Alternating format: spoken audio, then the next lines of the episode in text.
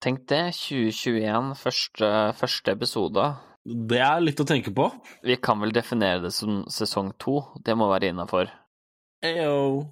Nytt år sammen med oss. Ja, ja. Fortsatt korona. Fortsatt korona. Oi, ja, det, nå er det 0x11. Uh, men da er det vel den 18 Nei, for 10 er 16. Ja.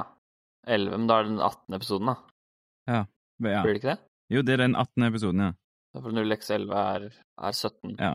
Ja. Du klipper vel bort dette her, sånn at ikke publikum eh, ser at vi ikke er så flinke på heks som Nei, utgir oss for å være. det er kun Melvin som ikke kan heks. Ja, nei, problemet her, problemet her er ikke heks. Det Problemet her er at eh, det er Null- nullindeksering. Men så har du jo første episode, er jo nullte episode, sant? Mm. Så, så vi har egentlig screwa oss selv der ganske godt. Men det er det er sånn derre De som vet, de vet. Ja, ja, ja. Eller hva man sier. Ja. Ja. Uff. Eh, pakt, ja. Hva er pakt? Verdens mest shitty sånn uh, Publishing-selskap. Ja, hvem som Seriøst, hvem som helst og bestemoren deres kan få lov til å gi ut noe der, liksom. Det, Du, eh, jeg snakket om dette her med en annen fyr liksom i går. Ja. Eh, og akkurat det samme. Det er sånn Altså, det er, det er bra ting på Pact. Altså, ja, ja. altså det er ikke. Absolutt. Det, Men, men de slipper inn eh, hva som helst for å Ja. kunne skrive bøker der. Jeg har lest kanskje, kanskje to-tre bøker som har, som har vært liksom ja, OK pluss. eh, på nippet til bra, men det ser seriøst ut som liksom eh, Det ser ut som noen har bare fylt det ut i en sånn default word-template, og så pusher de, og så eksporter de det til PDF, og så er det good to go. Da har du en bok published, Ja, ferdig, altså- liksom. Ja. De, de går definitivt og liksom for kvantitet foran kvalitet. Det er uten Ja. tvil. Absolutt. Oi, jeg ser at Trusted Sec ser etter folk her. Trenger du jobb, Martin? Ja. De uh, We are hiring advisory consultant. Ja, det høres kjedelig ut. Enig. Ja, nei, eh, nå skal vi ikke kjøre noe reklame for noen her, men eh, det er jo alltid interessant når spennende selskaper eh, og, og kjære Melvin sitt, sin arbeidsgiver utlyser stillinger, men det her er sånn PCI, HIPA, ISO 27001-greier. Du har jo lyst til å være sånn, sånn der eh, amerikansk healthcare checkbox-sjekker. yes, HIPA sikkert og, ja, ja. og NIST. HIPA compliance og sånn. Checklist, Ja, ja. yes, yes. Åh, det er drømmen. Jeg har jo allerede slitt litt med å Jeg har slitt litt med, og det er sikkert enkelte som humrer nå hvis det her kommer i podkasten, men uh, jeg har jo vi, altså, vi, vi, kan snakke detaljer litt, eh, litt nærmere, eh, men eh, jeg har jo nylig, eh, nylig signert med en ny arbeidsgiver her i Norge, og det har vært interessant å gå gjennom på en måte ja, praten med flere forskjellige eh, kandidatselskaper, om man kan si det sånn. Og det å forklare enkelte at du som pentester og red-teamer ikke har lyst til å ende opp som liksom en sånn seniorkonsulent som bare driver med PCI og PCI og NIST og sånn, som er liksom den tradisjonelle veien, det har faktisk vært litt interessant å se på reaksjonene til mange. For det er liksom Ja, den, det er den vanlige kurven, da, ser det ut som at veldig mange gjør, er det at de liksom begynner som pentest, og så er det tekniske litt kjedelig, eller så er det litt for vanskelig, og så ja, vil de liksom gjerne Uh, gjøre litt mindre, kanskje, Uh, og bli sånn, altså ikke, eller ikke nødvendigvis mindre, men litt, litt mindre teknisk, eh, og liksom enda Altså mer, mer revisjon og sånne ting, da. mer revisjon, ja. Yes, det blir Ja, riktig sant. måte å si det på. Men Ja. jeg har jo ikke lyst til det i det hele tatt, som sikkert også mange av oss, uh, mange av oss tenker. Uh, og det har vært litt interessant å se på en måte reaksjonene til en sånn ikke-teknisk ledelse der, da. Fordi det er jo ganske standard, virker det som. Så ja, nei, Mm. det er det siste jeg har lyst til. Ja, det er jo Hva skal man si? Det er dette med, med bedrifter sin hva de driver med, da. Altså, de har liksom noen, noen steg av ja, vi, sel, vi selger denne type konsulenttjenester, og så har vi denne type konsulenttjenester. Eh, Mm. Og de som er senior, de driver med dette. Ikke sant? Det virker litt sånn rangstige-greie. Ja, ja, så er det liksom Det er det de tilbyr, da. De har ikke noe Det er ikke noe mer, altså. altså så, Nei, du kan på en måte ikke være det, så, men, eh, så teknisk seniorkonsulent, da, på en måte. Nei, nei. Det nei. jo, jo mer senior du blir, jo mindre teknisk ansvar skal du ha. Og det, det er jo kanskje litt mer, litt mer poenget, da, sånn for å, eh, for å rydde opp i det. Men, eh, men, men ja, det har vært interessant å se på, på en måte det å gå over i en mer senior stilling, men fortsatt beholde liksom Jobbe teknisk, da. Mm. mm. det virker ikke som det er så, noe, så vanlig, liksom. Men Nei. det blir gøy. Ja, da, men Det blir jo spennende å høre mer om det når, når det nærmer seg, da. Ja, det, det gjør det. Liten teaser, liten teaser, liten teaser. Ikke sant?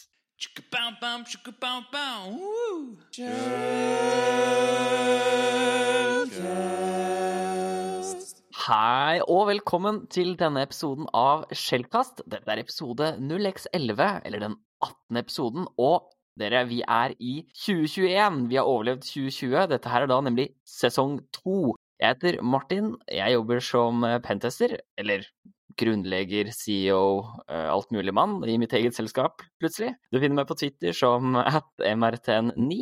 Ja, jeg heter Vetle, jobber som pentester. Finner meg på Twitter som at bordplate. Jeg heter Eirik, jobber som penetrasjonstester, og du finner meg på Twitter som 0xsv1. Hei, jeg heter Tobias. Jeg jobber som penetrasjonstester. Eh, Du finner meg på Twitter på ifface-tobu. Right.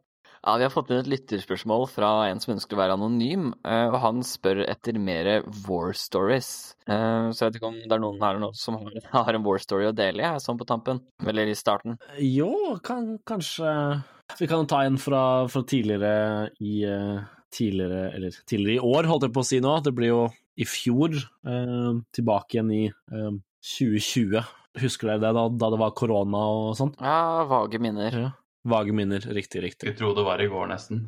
Ja, definitivt, definitivt. Jo, nei, eh, vi eh, vi eh, gjorde en, en utside til, til innsidetest, om man kan si det sånn. Altså for de som ikke holder på med sånn type eller ja, nettverks- og infrastrukturbasert penetrasjonstesting, så var vel det her en test som vippa litt mer mot uh, såkalt red teaming, selv om vi ofte har diskutert og nevnt at det er vel ingen som gjør pur red teaming her i Norge, så er vel dette en av testene som er så nærme jeg og, eller det jeg og Tobias uh, har gjort for, for nåværende arbeidsgiver, i hvert fall. En veldig interessant test hvor vi fikk i oppdrag, rett og slett, i å prøve å bryte oss inn hos, uh, hos en kunde uh, over nesten tre måneder eh, som vi holdt på med dette oppdraget. Eh, I hvert fall jeg. Tobias, du begynte vel halvveis uti det, eller noe sånt? Eh, gjorde du ikke det? Det stemmer, det stemmer. Stemmer. Yes. Ja.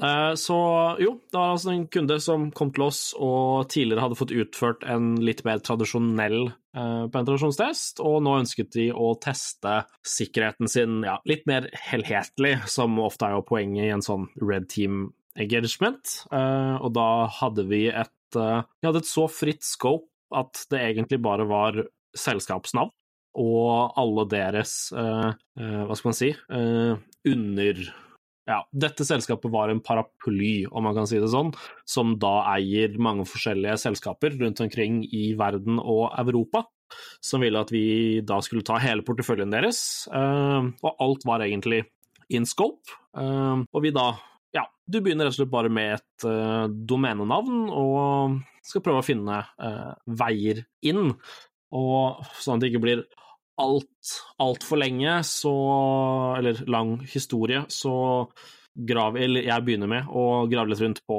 på nett, som man gjør, og gjør såkalt OSINT, eller Open Source Intelligence, titter rundt etter lekka brukernavn og passord, um, og sånn, ser hva jeg finner, og jeg blir veldig overraska når jeg ser at uh, på en måte hovedkunden vår her hadde det- det- Dette var et stort selskap, um, jeg mener i underkant av 20 000 ansatte på verdensbasis i denne paraplyen, og, og da, når jeg Eh, når jeg ser på Dehashed, som jeg da akkurat hadde begynt å bruke, som var på en måte oppfølgeren, hva skal man si, til WeLeak-info, som ble seized og slått ned av, eh, av politi og FBI og sånn litt før dette. Eh, fordi kriminelle hadde kjøpt og brukt passord derfra, selv om det er en annen, eh, annen sak og annen diskusjon så, så finner jeg en del eh, entries på de hasht for dette paraplyselskapet, men jeg blir overraska over at det var så ekstremt få. Uh, Titter litt rundt på de og liksom Ja, finner egentlig ikke så, så stort, men jeg føler noe skurrer her. Og så begynner jeg å titte litt nærmere på selskapet, og er liksom sånn Ah, selvfølgelig. uh, her er det jo paraplyen, som sikkert flere her har tenkt allerede. Og begynner å se på uh, hva slags acquisitions, eller oppkjøp, dette paraplyselskapet hadde gjort uh, i de senere ja, måneder og år, og begynner å se da på ansatte i disse paraplyselskapenes Eller i disse oppkjøpene, ansatt navn, og begynner å, å da ja, password spray de og legge de inn i en eh, liste som gir mening med det nye selskapsnavnet, og tester også de gamle for å se om de gamle eh, fortsatt ligger der i, i AD-en deres eller i Asher uh, Active Directory, og det viser seg da at det gjør, og plutselig så sitter, eller selvfølgelig gjør, uh, plutselig da så sitter man med en mye lengre liste med potensielle ansatte, og så begynner å søke opp de på de hasht og sånn, og da, da finner man mange, mange flere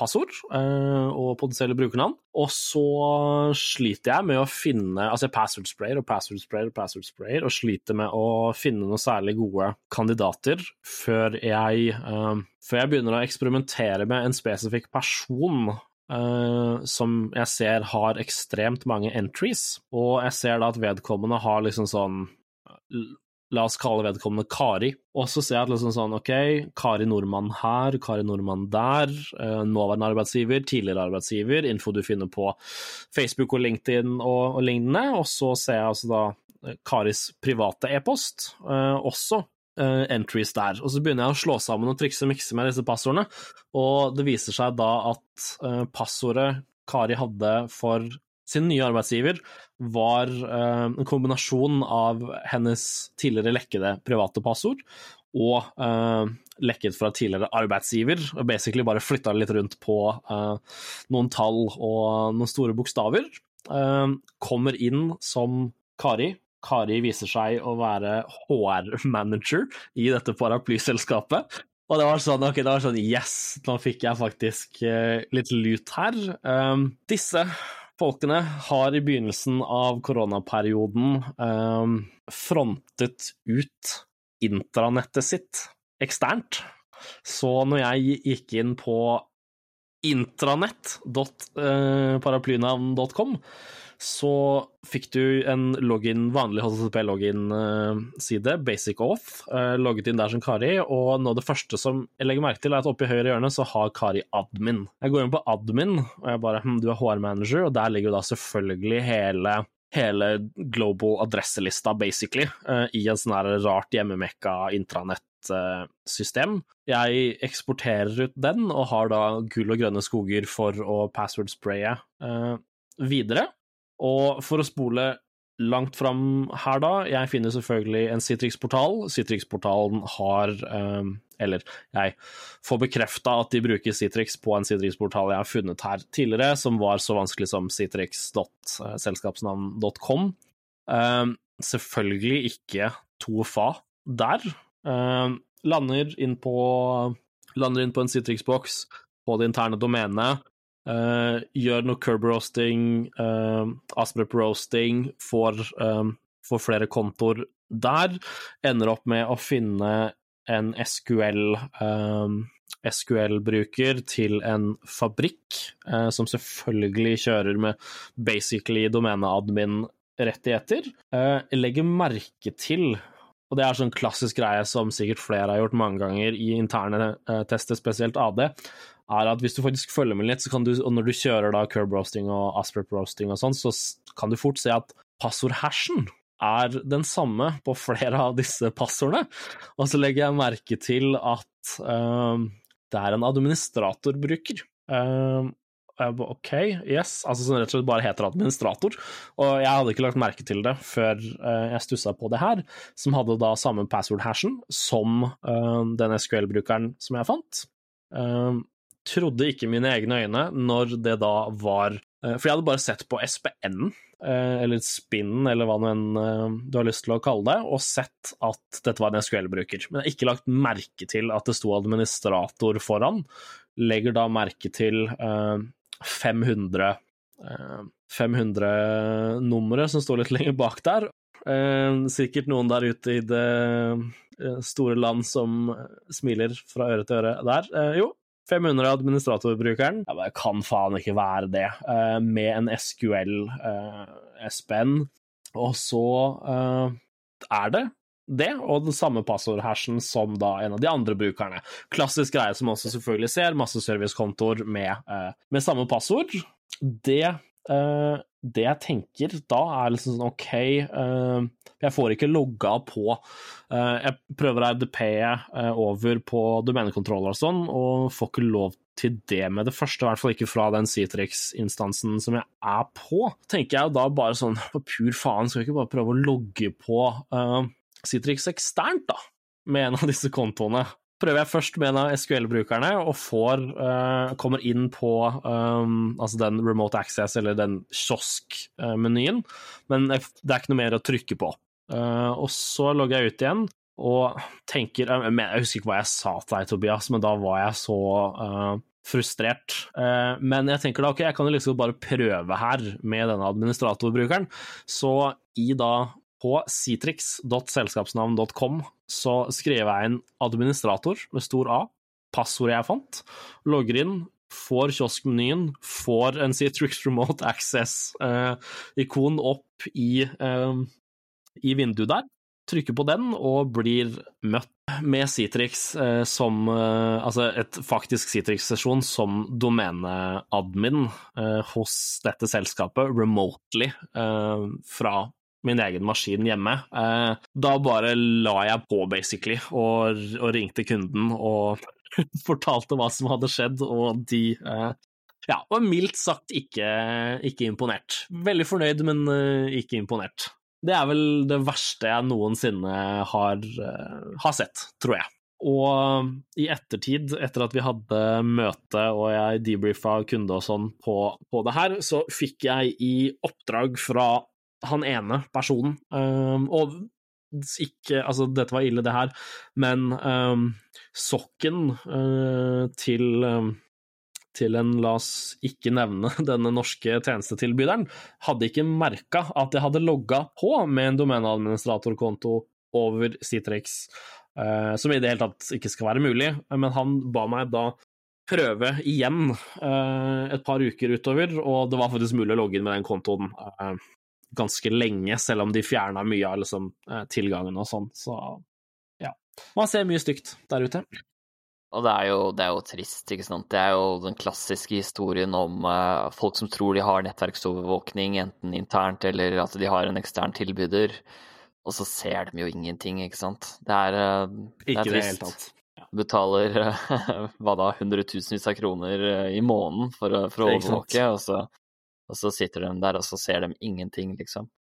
Eller eh, de kunne sikkert Altså, det, ja, det er mange, mange, grunner til det, da. Men, eh, og det er ikke bare MSSP-en sin feil, nødvendigvis. Men, Nei, og, men og, ofte så blir det skrudd av fordi det blir så mye uh, Det ja, blir så mye false bort. positives. Yes. Ja. Og her mener jeg det, det, var en eller annen sånn obskur unnskyldning som at uh, de hadde så mange eh, de hadde så mange eh, domeneadmin requests på det interne nettverket med feil passord og sånn, fordi det var uh, flere servicer da, som prøvde å bruke denne kontoen, uh, som ja, hadde, hadde pågått, ikke sant, pågått over, over, lang tid, så de hadde bare fjerna alle disse alertsene. Ja, liksom, hvordan Skulle vi ha tuna den regelen her? Nei, nei, vi skrur den av. Det er mye ja, bedre. Ikke sant? Nei, vi bare, vi ja. bare fjerner den, vi.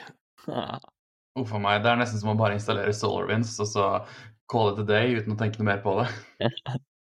ja, vi får meg.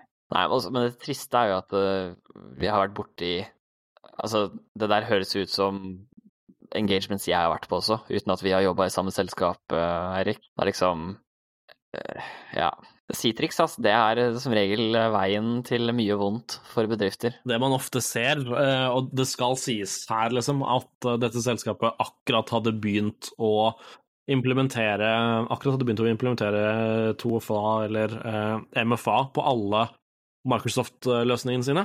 Så Asher, Asher, AD, alle liksom eh, ja, Microsoft-tilknytta pålogginger der. Men eh, Citrix var en av de på grunn av legacy support eh, til on-prem-miljøet sitt, som de ikke hadde eh, kunne gjøre det på ennå, da. Eh, men tillater selvfølgelig domeneadmin-konto å, å logge på ved Citrix uten MFA. Ja. Altså, ja, så er det ikke MFA på, på den portalen heller, som du nevnte, internettportalen og sånne ting. Så det er liksom ja. Det er, det er i, i, mitt Det er liksom den, den uh, Før i tida så var det sånn ja, den serveren skal bort, liksom. Ja, den, den, skal vi, den skal vi dekommisjonere snart, så den trenger du ikke bry deg om.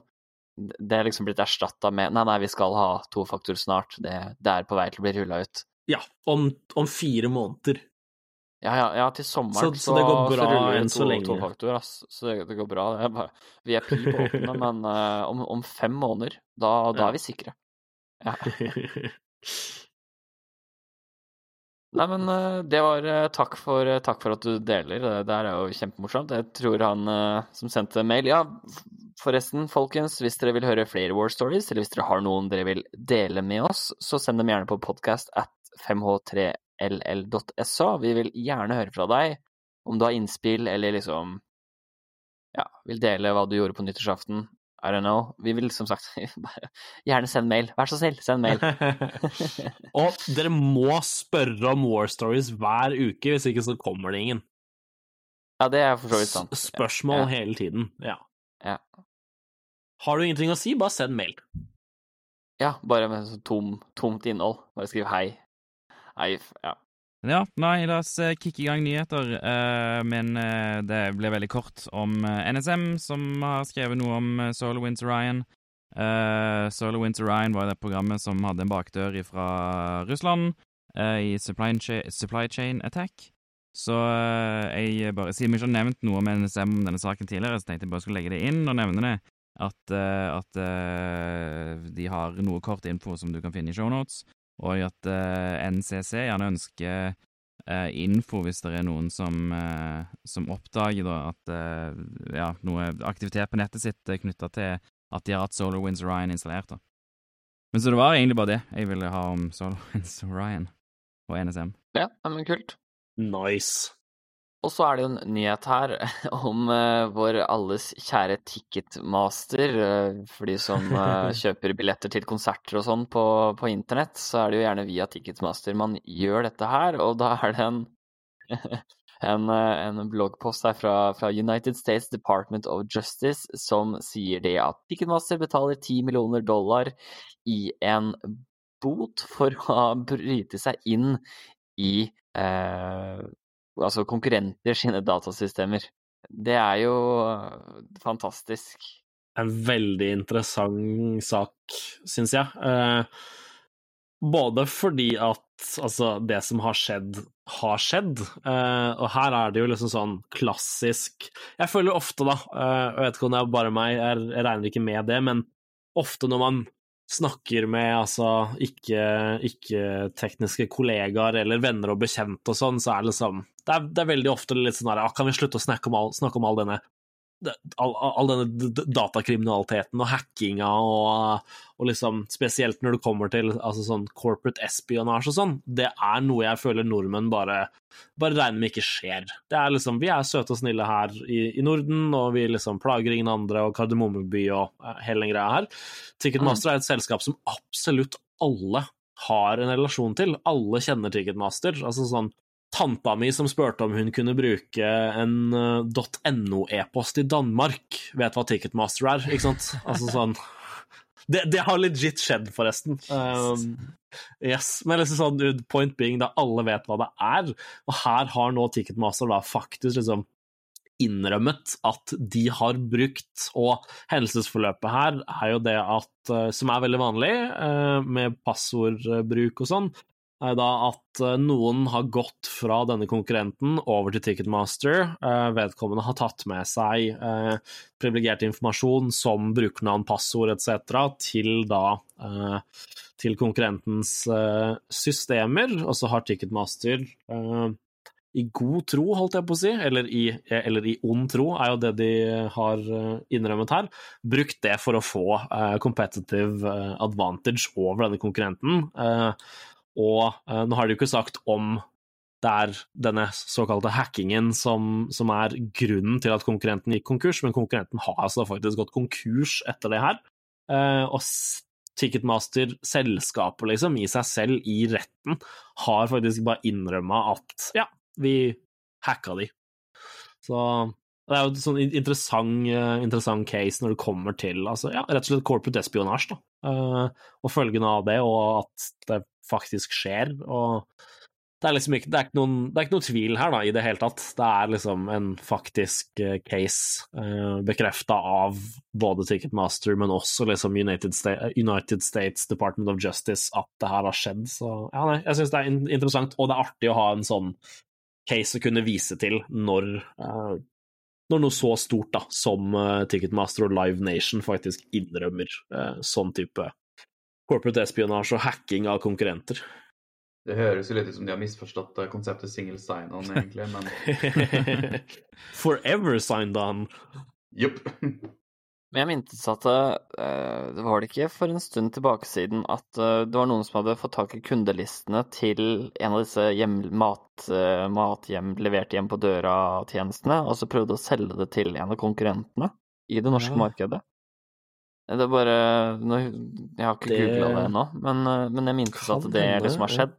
Jeg husker det Men- var en de, eh, sak rundt noe sånt, men jeg husker ikke hvilke selskaper det var.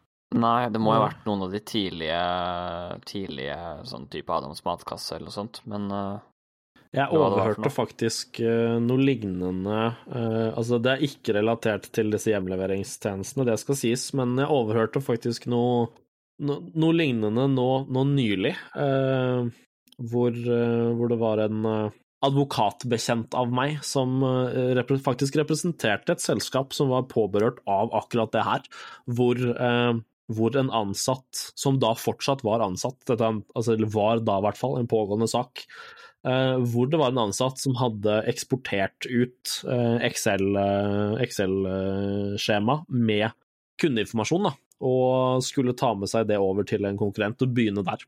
Så det skjer nok ganske ofte, faktisk, altså. Jeg ser faktisk her at eh, jeg fant den artikkelen. Det var Adams matkasse som var eh, Her står det på, på Dagens Næringsliv en ansatt hos en av leverandørene til gründersuksessen Adams matkasse prøvde tidligere i år å selge deler av matleverandørens kundelister.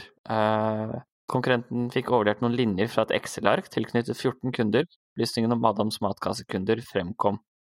Men de tok jo da kontakt, da. Det var jo en fair, så vidt jeg skjønner, tok de varsla eller sa ifra Ja. om dette her, og politiet anmeldte det, og ja, svensk politi har tatt beslag i PC-en og sånt, står det. Dette var i 2017, faktisk. Så det er en stund siden. Så, så det er jo egentlig det er same same, da, egentlig. Bare at denne personen her ble, ja, ble vel busta uten at de faktisk utnytta den informasjonen på noen måte.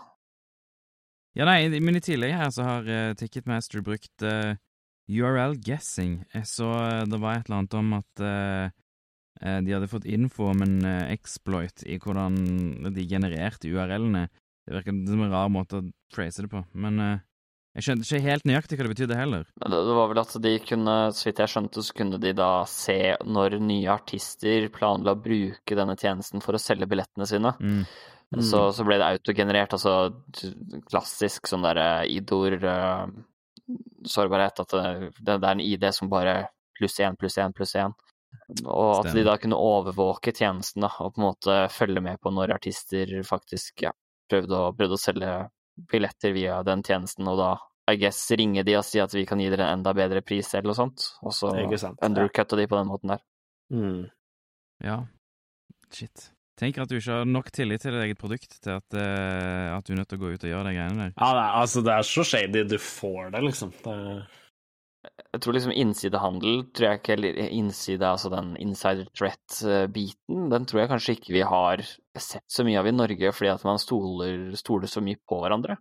mm. Men i USA og sånt nå, så er det jo liksom Der har du dyre datasystemer som overvåker brukeres tilgang og sånt noe, og, og liksom ser om de gjør noe shady, eller om de prøver å accesse masse filer på en gang, og eh, som ville vært sånn typisk sånn jeg skal quitte dette selskapet, så derfor så tar jeg med meg eh, filskjere, liksom.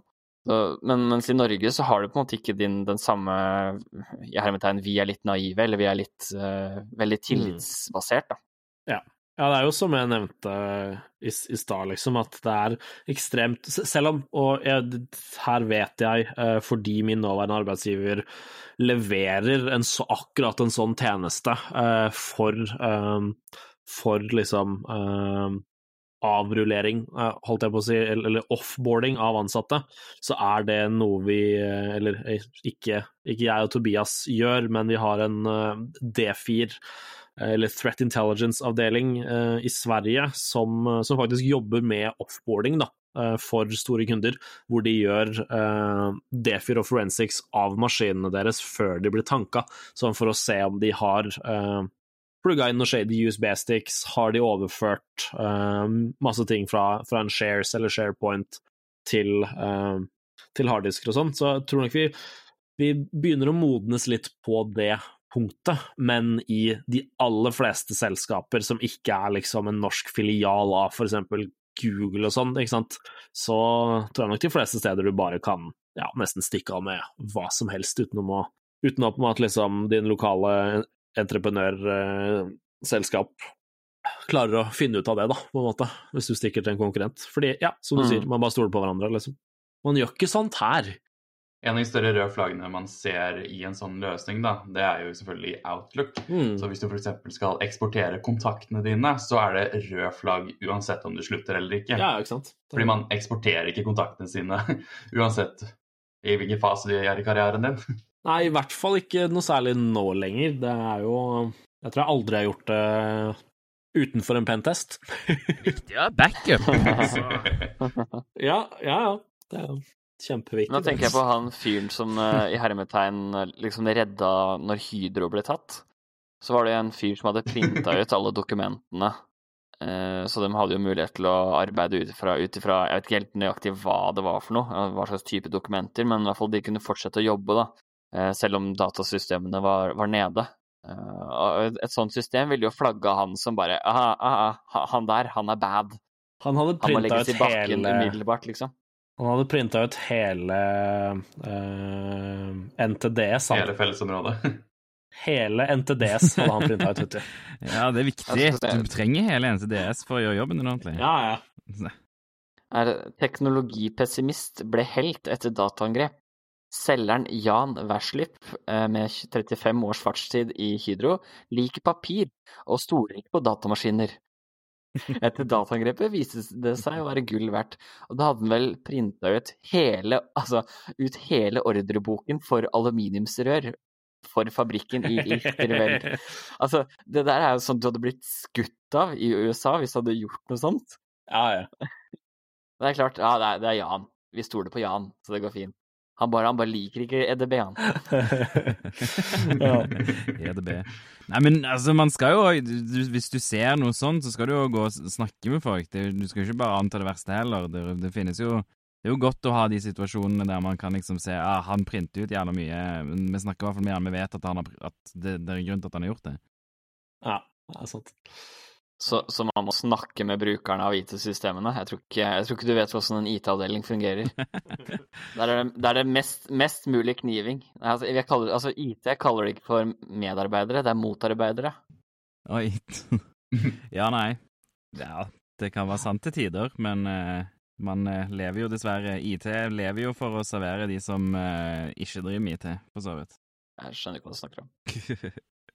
Hvis mailboksen til folka på salgsavdelingen er full, så pleier du som regel bare å justere ned hvor mye e-post de får lov til å ha i første omgang, så slipper du å snakke med dem. Da sletter de all e-posten selv, og så løser problemet seg selv ut ifra det, istedenfor faktisk å snakke med dem. Så smart, smart. vi er IT, og vi vil ikke snakke med folk, på en måte. Ja, jeg tenker vi kan jo egentlig kicke i gang med neste, neste nyhet. Ja, Apple eh, har saksøkt eh, et selskap som heter Corellium. Corellium er et selskap som eh, virtualiserer IOS for å gjøre det lettere for security researchere å finne vulnerabilities i IOS. Det er meint som et verktøy for å hjelpe researchere å finne vulnerabilities og bruke det for Uh, ja, for sikkerhet, da, basically. Og de har en del verktøy som hjelper deg som pentester, blant annet, å penteste IOS-apper og det hjelper deg òg blant annet å, å teste selve OS, lete Det heter kernel exploits og, og div. Uh, så det, det, det er åpenbare grunner til hvorfor Apple ikke ønsker å, eh, at Corellium skal eksistere. De, og Corellium òg er, er, de eneste som har ordentlig virtualisering, ordentlig virtualisering av IOS, og klarer å gjøre det på en ordentlig måte. da. Så Apple prøvde i utgangspunktet å kjøpe opp Corellium Men så var ikke Corellium med på det, og eh, så endte Apple opp med å saksøke det i stedet for. Og nå siste uken så så har en del nyhetsaviser sagt at eh, Apple tapte mot Corellium, eh, som ikke egentlig Mm. stemmer, fordi at det, eh, det ble en del av de tingene, altså hva heter det for noe, de sakene som Apple tok opp, de var irrelevante, så de har blitt kasta ut. Og det meste av det eh, eh, Det er jo bra at mye av det ble kasta ut, men det var liksom litt sånn no-brainer at det kom til å bli kasta ut. Men det som ikke har blitt kasta ut, er Apples claim på det som heter DMCA 1201, som, eh, eh, som handler Ja, om eh, Anti-circumvention claims, Mm. altså det å omgå, omgå DRM, da. Stemme, stemme. Og den loven der er jævlig vanskelig, og du kan ikke claime uh, Du kan ikke claime Hva er det heter? Free Use. Free use, ja, takk. Ja, for du kan ikke claime free use på, på anti-circumvention av uh, Av uh, Hva heter det? De eh, åh, DRM. Jesus, DRM, takk. Herregud. Nå går det bra, hører jeg. Nei, du kan ikke claime Du kan ikke claime free use på anti-circumvention Nei, på circumvention av, av DRM-stuff. Så, så der sitter de litt i saksa, da. Og det har vært mye saker tidligere òg på at eh, DMCA eh, 1201 eh, bare s- s- sveiper over alt, og nesten uansett hva du gjør. Hvis, eh, hvis det liksom Hvis det er en knapp du må trykke på eh, for å altså En javascript-knapp du må trykke på for å laste en video, så kan det være nok DRM, liksom, til å gå under DMCA 1201. Så det er vanskelig, og det er nok det, noe en av de farligste punktene i den saken der. Så de er ikke helt unna det ennå. Og det er litt dumt, fordi at eh, Apple har ingenting med å, å gjøre dette. De burde bare Altså, de kan låse ned devicene så mye de vil, sånn at eh, folk ikke eh, Så folk er beskytta. Og det er deres argument, at eh, den er beskytta, de ingen har rot, og da er det greit. Da klarer ikke brukeren å fucke seg sjøl opp. Så eh, dette Corellium virtualiserte IOS er jo noe helt annet. Det er ikke for brukere, det er kun for security researchere. Så hele, altså alle argumentene deres borte. Jeg skjønner at de har, lyst til å beskytte sine, uh, sine devices og lyst til å beskytte sin IP, men uh, ja, de burde heller uh, fokusere på å skrive god kode enn enn å drive og prøve å ta ned alle som har lyst til å gjøre security research eh, på iOS devices. Det er grunn, det er, altså, det er ingen tvil om at DMCA, øh, den lovgivningen rundt rettighets... øh, altså fair use og de tingene der, er helt på trynet. Du, altså, på et tidspunkt så fikk du jo nesten ikke lov til å bytte batteri på telefonen din selv uten at det var liksom infringement av rettigheter og gud veit hva, ikke sant. Så vi har kommet langt, men, men åpenbart ikke langt nok da, til at, øh, at noen som virtualiserer Altså, da skulle Microsoft saksøkt uh, VirtualBox da, og VMware, liksom. Det blir jo litt rart. Ja, Eh, uten at det er uten sammenligning for øvrig, I guess, fordi at her er det jo litt mer som skal til for å virtualisere IOS-devices, men, eh, men allikevel, altså, når Apple faktisk er ute det, det virker jo som en sånn asshat-move gjort av Apple, sånn ah, dere vil ikke bli kjøpt opp av oss? Nei, vet du hva, da, da saksøker vi dere. Ja. Selv om det sikkert ikke er det som har skjedd, men, men det virker jo litt sånn da for, for de som står utenfor. Eh, og så nå var det jo Apple hadde jo De var vel på Black Hat eller noe sånt nå for var det i fjor? Forrige fjor? Og, og liksom sa at nå nå skal, nå skal security researchers få liksom nå, nå skal vi endelig åpne opp, og nå kan dere submitte bugs og sånne ting. Og, og liksom de skulle lage en egen versjon av iPhone som eh, researchers kunne bruke for å liksom få mer tilgang til å til å liksom se stacken og whatever, liksom telemetri, da, når de driver med, driver med kernel exploit-utvikling og sånt. Og så kommer Corellium, og så bare Nei, nei, nei, nei. Nei, nei, dere får ikke lov til å drive med sånn research. Fordi at Corellium fant jo masse bugs i IOS. Den, var jo, den er supereffektivt, ikke sant? Og da bare Nei, nei, nei. nei det, her, det her er ikke greit. Og så bare saksøkt. Så Jeg får ikke gjøre det ordentlig. Jeg har, jeg har hørt fra noen lov. som har vært borti, borti Corellium sine produkter og, og sånt, og det virker som det er veldig nice. Så når du driver med reverse engineering og sånt nå av, eh, og security research på apper og sånt, så er det, så er det ti av ti eh, produkt. Ja, vi så på å skaffe oss Corellium eh, hos oss òg, men eh, Mm. så, så var vi i noen For du har drevet en del med det, Ja, jeg, ja, altså reversing av IOS-apper og sånn. Ja, ja. Så, så det hadde vært eh, kult for oss å, å, å ha. Og så var jeg i prosess med en selger, men så svarte han ikke, og så var jeg ikke så gira, så da bare falt det Men vet du hvor dyrt det er, eller? For det høres ut som det er møkkdyrt. Det er ganske Det var ganske dyrt på den tiden, jeg- men jeg vet at nå har de gjort noe med prisene sine for å gjøre det mye, mye billigere. Å ja, jeg fikk det står en jo sånn her, eh, faktisk. Ja, ikke sant. Jeg fikk en mail eh, nylig, Ja, device er 100 dollar månedlig. Ja, det er ganske decent. Ja, det er ikke så ille. Det er faktisk Det er for individuals, da. Eh, for enterprises seks CPU-kjerner og 575 dollar i måneden. Og så kan du også ta usage-based, så det er litt gøy, da. At det er liksom Du kan bare trykke 'start your free trial', så er du i gang, liksom. Ja, du ja, det er free trial òg nå, ja.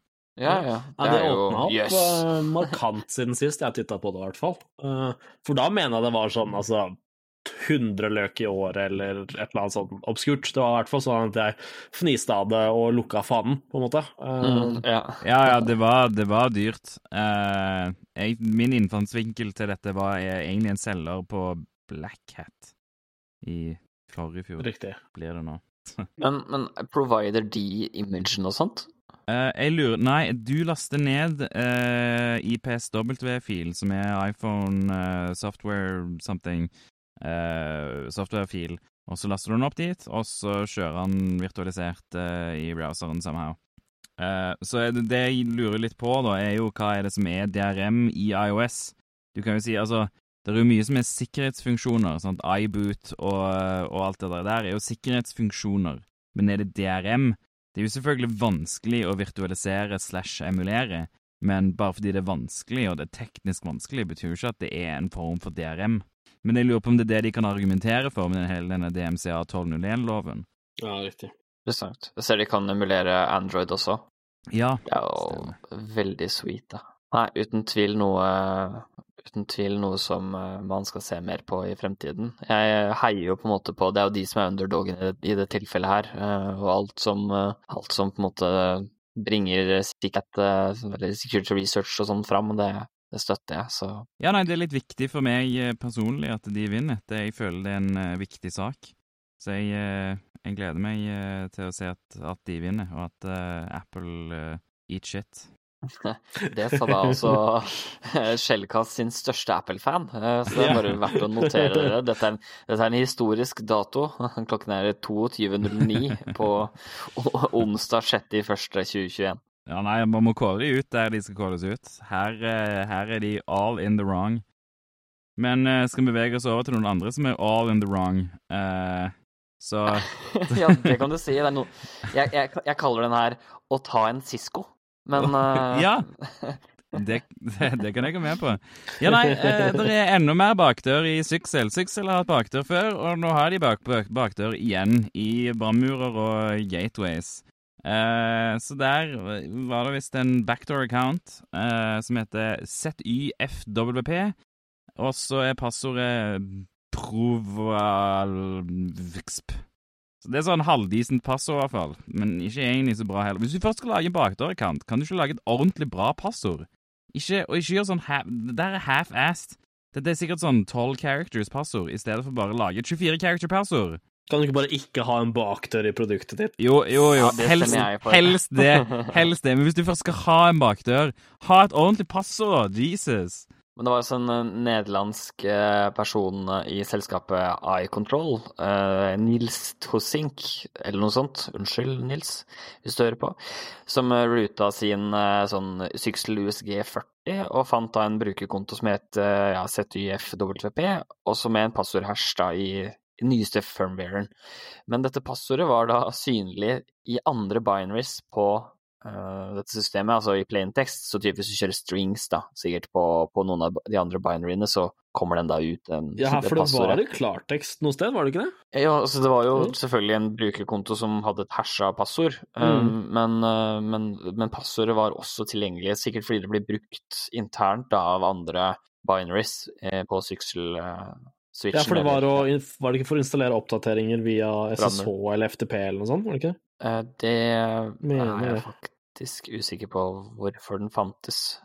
Det er sånn, eh, sånn i tilfellekonto. Sånn, hvis noen glemmer passord, så er det greit å kunne gi ordentlig support. Da, fordi de har jo noen supporttjeneste, vil jeg regne med. Så da kan de liksom remotely supportere kundene sine. Du vet. Det er sånn greit å ha. Ja, definitivt ikke brukt av, eh, av noen eh, agencies rundt omkring, eller noe sånt. Ikke det. Nei, nei, nei, nei, bare brukt til support. Det er jo verdt å nevne da, at det er kun hvis du har oppgradert til nyeste firmware at du er sårbar for dette her. For han sjekka da tidligere firmware, så der var brukerkontoen, men den hadde ikke satt et passord, så du kunne ikke logge inn som den. Men, eh, Nei, riktig. men da hvis du er hvis du, så, så ikke oppgrader eh, Ikke oppgrader eh, VPN-gatewayen eller brannmuren deres, er, er det Syksel tydeligvis mener, da. Aldri aldri oppdater brannmur eller, eller VPN. Da kommer det backdoor accounts. Så det er mitt tips Ja, egentlig fra i dag. Ja, ja, Hadde de ikke fiksa det og nå, da, i liksom den helt nyeste, mener jeg de hadde fiksa det, sånn at de anbefalte å oppdatere, men til den helt, helt nyeste. Mm. Men ja, det er jo en Jeg noterer meg jo datoen dette er publisert på, altså 23. desember. Det er jo litt asshat move å gjøre det her på lille julaften, da. Du får eh, du, du får mediadekke på det, i hvert fall. Eh, Og så tar det jo noen uker uh, ute i februar før folk eh, fikser det, så ja. Ja, ja nei, jeg tenkte på sånn for de stakkars sysadminene som, som Ja, har eh, eh, rammeavtale på. Syksel, eh, Syksel hardware, liksom. Så sitter du der, da bare Jepp, det var den, det var den ribba. Det blir spennende å se. Det her er jo enda en sånn greie som uh, mange tenker liksom sånn Ja, men det patcher vi bare bort, ikke sant? Og så Ja da, de fleste selskaper har kanskje en 30 dagers eh, patch-vindu og liksom sånne ting, men uh, se for dere hvor ekstremt mange som Ja, som, som ikke har det, eller som Eller hvor det blir ned, eh, nedprioritert, eller bare aldri fiksa i det hele tatt. Um, og det er jo allerede masse, masse beviser på at det har blitt aktivt brukt allerede, så Og det er jo VPN-gatewayen, så det er ikke bare bare å reboote de tingene der også. Og Nei, kan jo selvfølgelig medføre andre, andre feil på andre steder, ikke sant. Og det er jo, men det er jo morsomt, for er grunnen til at jeg kalte dette å ta en Cisco, er jo fordi at det er, det er jo dette Altså hver eneste advisory som kommer fra Cisco, er jo fordi at en eller annen kløne har putta inn da noe hardkoda passord på et eller annet Cisco-produkt, ikke sant. alltid. Ja, ja, det, ja, det føles i hvert fall sånn. Det er i hvert fall det, i hvert fall det man hører om. At ja, OK, dere, da var det admin og så eh, Nimad som passord. Altså Eller hva nå en admin er baklengs. Ja. Nimida. Ja. Uh, root og Tour, er det ikke det? Som er Ja, eh, ja, eller det, ja. van, vanlige Cisco. Cisco, Cisco. Yes, Cisco, det er den Cisco. vanligste i Cisco-verden. ja. For å gjøre det enkelt. Eller PFSense med sin fantastiske admin og PFSense. Nei, ass. Det er Det hardkode. Det Hardkode bruker og passord. Faen, ass. Ah, at ikke folk lærer. Ja, og det er jo det hele tatt ha. Um, ha sånne default-passord skulle jeg ønske vi kunne slutte helt med. At uh, det er flere og flere produkter som har begynt med at uh, du, altså, det er ikke noe sånn standard default-passord. Du må opprette et mm. eget, eller du Mm. får et sånn randomly generated et. Um, og det er i hvert fall mye bedre enn Ja, at du bare kan google hva default-passord er, og så kose deg på sjodaen, liksom. Og det er klart, i det tilfellet her, da, så i GUI-et til Syksel, så er jo ikke denne brukeren synlig. Så det er Nei, liksom? Det er ingen som vet at den er der. For, for de som faktisk bryr seg om IT-sikkerhet i nettverket sitt, da, så kommer jo Syksel og på en måte bæsjer det i fanget med sånt noe. nå, Eller altså alle leverandører av, av utstyr som, eller software som har sånne skjulte, udokumenterte brukerkontoer. Da. Det er liksom, Åssen i helsike skal du audite alt mulig rart for om det tilfeldigvis kanskje var en eller annen løk som putta inn default eh, eller undocumented user accounts i, i den greia, liksom? Nei, det burde vært ulovlig. Det ja, ja, egentlig. Det burde faktisk vært ulovlig. Absolutt. absolutt. Det, IDD. IDD? I don't disagree. Ah, OK. Ikke sant. Ja, nei, men, Det, det kan hende. Ja. nei, men, men det er et godt poeng. Hva i alle dager gjør du med at eh, så mye software eh, Altså, du kan ikke Det ser vi med SolarWinds òg. Du kan ikke audite hele stacken du bruker. Det er liksom Det er så gjerne mye. Og, og det er nesten som jeg skulle ønske at man, at man måtte liksom government certify software for at det er trygt, sånn at uh, selskapet kan bruke det. Men det igjen er jævla mye. sånn at Du kan jo ikke certify absolutt alt av software og Nei, altså, jeg vet liksom ikke hva du skal gjøre. Det er, det er så mye shit software og så mye shit uh, kode. Så mye shit uh, bakdører med folk som tenker at «Ah, bare legger inn en bruker for å gjøre ditt og datt, og så hardkoder de passord. Altså, hva, hva gjør Ja, du, liksom?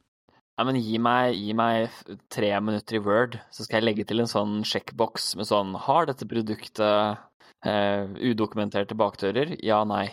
Altså Ja, ja. cert, cert, Certified secure. Certified Nei, not backdoor. ikke det. Nemlig. Å nei, det bare skjedde i den nyeste oppdateringen vår. Ja, det var en glipp. Yes. Ja, men altså, det kan jo være at det er en sånn dev-greie som plutselig ble med videre i, prod uh, firmware. Altså, det er sikkert det som har skjedd, siden den har vært, uh, vært der fra før av, men uten passord. At de pleier å resette den, eller wipe passordet, da, før de pusher firmwaren til prod, liksom. Ja, det kan Det i seg selv er jo også bare en helt latterlig praksis. Eh, men altså Ja, nei, jeg, jeg blir ikke overraska. Nei, altså det blir det samme som at du, du finner prod, uh, prod uh, tokens til AVS og sånt noe i, i testmiljøer, blant annet. Altså, det, det er jo det samme som skjer, da. Det er en eller annen, Ja. annen fyr som glemmer, glemmer å, å wipe konfigen sin, liksom. Ja, vi bare pusher ut på tusenvis av devices og sender ut til kunder. Eh, det på. Ja, hva er det, hva er det verste som kan skje, ikke sant? Det er ingen som sjekker. Nei, det er jo ingen som tester tingene de kjøper av oss. Eh, Og uansett så blir jo sånt noe Det blir jo backdoor av en government agency før det forlater landet uansett. Det er helt sant. Så, så det, det er ikke sånn at uh, Syksel er det største. Hvor er egentlig Hva slags Hvor holder Syksel til, egentlig? det høres veldig tysk ut, men det er sikkert ikke det. Ja, det er syk, det er Syksel, ja. Det er et godt spørsmål. De Det må da være en uh, Skal jeg se eh, Taiwan, Taiwan, ja. Ja, Yes. står det her. Shinshu i Taiwan. Det er avdelingskontor i Nord-Amerika, og Europa og Asia. Ja. Så hvis du jobber i, hvis du jobber i Syssel, ta gjerne og kontakt oss, så kan vi snakke mer om dette her. Så det Ah, det var gøy. hyggelig. Ja, nemlig. Fortell oss om de andre bakdørene, please. deres. ja, nemlig. Kanskje dele litt sånn ja, war stories og Fortell om de fornøyde kundene.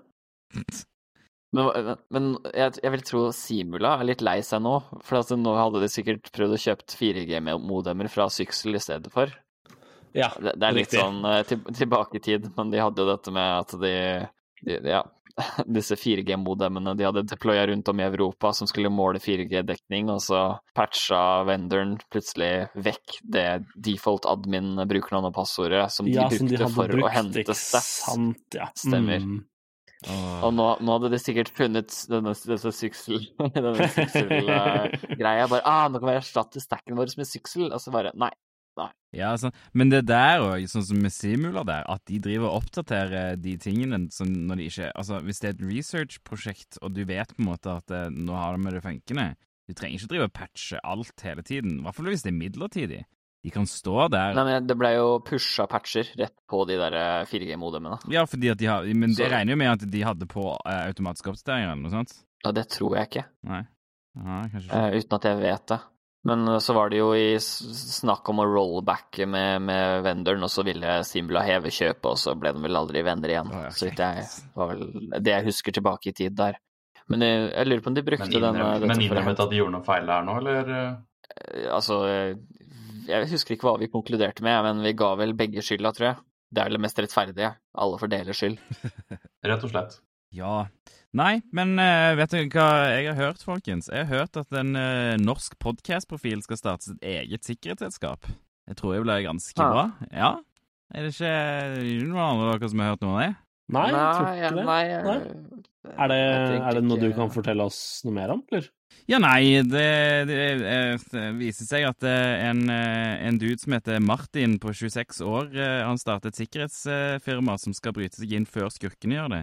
Er dette, Ja. er dette i nyhetene noe sted, eller? Ja, det er et intervju på digi.no, skjønner du, med, med Martin. Ja, ja, ja. Så hvis du ikke har hørt Hvis du ikke føler, hvis du føler ikke har hørt nok av Martin allerede, så, eh, så er det bare til å gå inn og lese om Martin Ingesen her. Ja, Martin, er- har du, har du kanskje lyst til å ta noen ord om eh, ditt eh, nye prosjekt her, eller? Eh, ja, jeg kan jo det. Nei, det stemmer det. Dette er jo jeg som har eh, blitt profilert i, i Digi, faktisk. Jeg har startet, eh, jeg har startet mitt eget selskap. Jeg sa opp jobben min, den si, godt betalte og, og, og, fine jobben jeg hadde i, i BDO, og begynner i det jeg har valgt å kalle kovert. Kult. Så ja, hva, hva skal man si? Det er jo Det ble litt sånn uh... Ja, nei, hvorfor har du starta selskapet? Hva er det du føler hva er det du føler har mangla? Hvorfor uh, Hva er det du nå eh, kommer og, og Hva er det du skal, Ja, Martin? Hva er det du ja, skal? er det jeg skal for noe? Hva er, det, hva, hva er Hva er det du dine? tror Nei, altså, du er? jeg, jeg, jeg har jo For å ta, ta litt backstory her, da, så har jeg liksom gått lenge og drømt og tenkt på at det har vært gøy å så starta, for seg selv og hatt liksom sitt eget uh, selskap. Og har på en måte hatt den der entreprenørspira litt sånn i magen uh, en god stund, da. Fra jeg var yngre. Men uh, så, så sammenfalt det egentlig ganske greit at eh, for et år siden, eller over et år siden nå faktisk, at jeg begynte å liksom ordentlig vurdere om liksom skal jeg gjøre dette her, skal jeg ikke gjøre det her, og var veldig på gjerdet sånn ja, men har jeg nok kunnskap, er jeg flink nok, eh, er jeg liksom, har jeg erfaring nok, eh, alle de tingene der, og var litt sånn fram og tilbake, skal jeg bli i den jobben jeg er i, skal jeg prøve et, et nytt, eh, et nytt, et annet gig ved et annet selskap, og, og liksom få litt mer erfaring der, og er det Ja, nei, så, så det er liksom mye fram og tilbake, og så konkluderte jeg vel til slutt da med at liksom, nei, nå La oss prøve. Jeg og, jeg og samboeren ble enige om at uh, why not? Det er jo nå man er eh, ung og dum, så hvorfor ikke heve seg ut i det? Så, så derfor så sa jeg opp i midten av september cirka, og har begynt da fra 1. januar. Så har jeg liksom offisiell start da på, på, i Covert. Og det er bare meg. Det er ingen, eh, det er ingen andre, så det er litt ensomt. Heldigvis har jeg kontorplass i, ja, i bygda der jeg bor, Vikersund, med andre folk som også driver med IT, faktisk. Så så er det lite miljø med IT IT-folk. Det er kult. Er det litt sånn startup-kollektiv Ja. type fil der? Yes, stemmer, så det, det kalles gründergartneriet. Eh, At vi på en måte spir, spirer og gror, da, er jo litt av Det er vel litt sånn 657 Mesh-type sted, er det ikke det? Jo, det, det stemmer. Sånn co- co-location-type Ja, riktig. det stemmer. Cool. kontorlokaler. Så, så det har liksom hjulpet veldig på Vi har vært så få, så, så det, måte, koronaen har ikke vært det største liksom, issue for, for vår del. Uh, selv om vi har holdt oss innenfor liksom, retningslinjer og de tingene der. Men, men så vi har liksom kunnet hatt lunsj sammen da, og, og, og liksom snakka om det å starte og eie, drive bedrift og sånne ting. Så det, det har vært veldig, veldig lærerikt. Eh, Det hadde ikke gått uten de, så, så det, har veldig, det har vært veldig motiverende. Da. Vært med å liksom pushe meg til, til eh, å, å ta steget og, og liksom innovere, da. Ja, det Så det, men, men litt om hva Covert liksom Tanken da er at eh, Covert skal drø, Målet, drømmen, er at eh, Eller ja, målet er at Covert skal bli ledende på offensiv IT-sikkerhetstesting i, i Norge i første omgang. Så får vi se hvor det bærer etter det, men det er et ganske hårete mål. Hva, hva legger du liksom i det? For jeg føler, eh, jeg føler det varierer så ekstremt fra, fra selskap til selskap, da. Noen, noen altså liksom alle de store konsulenthusene og sånn som, som har sine ja, alle har et red team i dag, alle holder på med sikkerhetstesting og penetrasjonstesting og sånn, men hvis du ser litt bak teppet, da, så er det jo stort sett bare Nessus og checkliste, OVASP-type Mm. testing, liksom. Uh, tenker Mm. du noe litt mer red teaming, eller altså noe sånn à la Trusted Sec og Spectrops, eller eh, sånn? Ja, ja det, det har jo Digge sitert meg på også, at, at Mm. jeg ser veldig opp til måten Trusted Sec og Spectrops og Falcon Force i Nederland og, og alle disse andre selskapene har gjort, og liksom tatt eh, steget fra, som du sier, kjøre Nessus-scanning og, og klikke seg gjennom OVASP eh, topp 10, liksom, til å Mm. ja, være, være en del av communityet, pushe liksom grensene for, for uh, sikkerhetsresearch, altså R&D, eller eh, Mm. forskning, forskning og utvikling, da, på, på godt norsk. Og liksom hvordan de putter pengene tilbake inn i det, da. Så, så, så liksom, drømmen er jo et selskap som driver med typ 50 eh, eh, konsulentsalg, eller ikke konsulentsalg, da, men penetrasjonstesting eller red teaming og lignende, Mm. og som 50% mer R&D som underbygger eh, på en måte ja. pentestings red team-biten igjen, da. Mm. Eh, og så på en måte eh, dette med red teaming, du nevnte jo, nevnte jo i war-storyen din, eh, Eirik, dette med, med å ha det over en lengre periode, og det føler jeg på en måte det ikke er så mange som driver med. og Det er vanskelig å få til i Norge, altså. Det er det. Ja, for det er det som er sånn det, det er nok ikke modna så godt kanskje hos, hos uh, kunder. Og så er det kan man jo mildt sagt si at det er møkkdyrt, da, ikke sant? hvis du skal ha seniorkonsulenter fra, fra et eller annet konsulenthus så, på liksom ikke 24-7, da, men liksom fire-fem måneders engagement, så blir det fort vekk dyrt. Og der har jo jeg fleksibilitet når jeg går ut alene, da. Ikke at jeg Altså, og dette er definisjonen av red teaming igjen, ikke sant, er så tricky, for at én person er på en måte ikke et red team. Og, Nei, og det er helt inneforstått med også, og, Mm. og målet er jo at dette skal vokse seg større, da. Men at man skal tilnærme seg red teaming så, så ordentlig og fort som mulig, er jo, er jo tanken, da. Um, men i utgangspunktet så blir det jo pentesting i, i Men, men å ha, ha tid jeg, jeg er lei av, og jeg, jeg syns ikke Jeg syns på en måte ikke inn og ut uh, uh, to dagers oppdrag Det er verken gøy, og jeg syns ikke det gir den verdien det kunne gitt, da, hvis man hadde tillatt seg selv å bruke litt mer tid. Ja, timeprisen din synker kanskje sånn Altså, konsulentselskaper og sånt nå tjener jo penger på at de selger ting til fastpris, og så bruker de mindre Altså jo mindre tid du bruker, jo mer penger tjener du, ikke sant? Det er. Åpenbart. Det det er på en måte god business, hvis man skal kalle det det, men, men det går utover integriteten, da, i, i mine øyne. Mm. Så at man kan heller uh, bruke litt mer tid. Ja, du tjener ikke, du tjener ikke 2500 per time på å gjøre det, men, uh, du tjener fortsatt til salt i maten. Da. Absolutt, og det blir, syns jeg også, som å sammenligne liksom sånn her, altså Om man skal ta et litt obskurt eksempel, så du kan gå på Ikea og kjøpe en stol, eller du kan gå på boliger eller hva som helst som designhus og kjøpe en stol. Du kan sitte på begge to, ikke sant, men den ene stolen kan koste 50 000 på boliger. Eh, og, det gir ikke mening og er ikke liksom forsvarlig for de aller fleste, eh, men noen vil ha den, og noen vil, ja, trenger type den servicen, og det er jo verdt det for mange, ikke sant, så mm. Og jeg tror, tror, litt mer sånn derre butikk-consulting-type tjenester som det, altså som red teaming i, i en større og mer ordentlig skala i, i, Norge vil være i mange år. Uh, tror jeg nok er selvfølgelig vanskelig å få til i den Trusted Sec og på en måte Spectrops-skalaen og sånn, men det er nok et ø, altså kraftig økende marked. Uh, og bare de, liksom Ja, de fem-seks kundene som jeg og Tobias har fått gjort liksom Red Team i, eller Red Team-ish type tester for over et par måneder uh, det siste året, er liksom sånn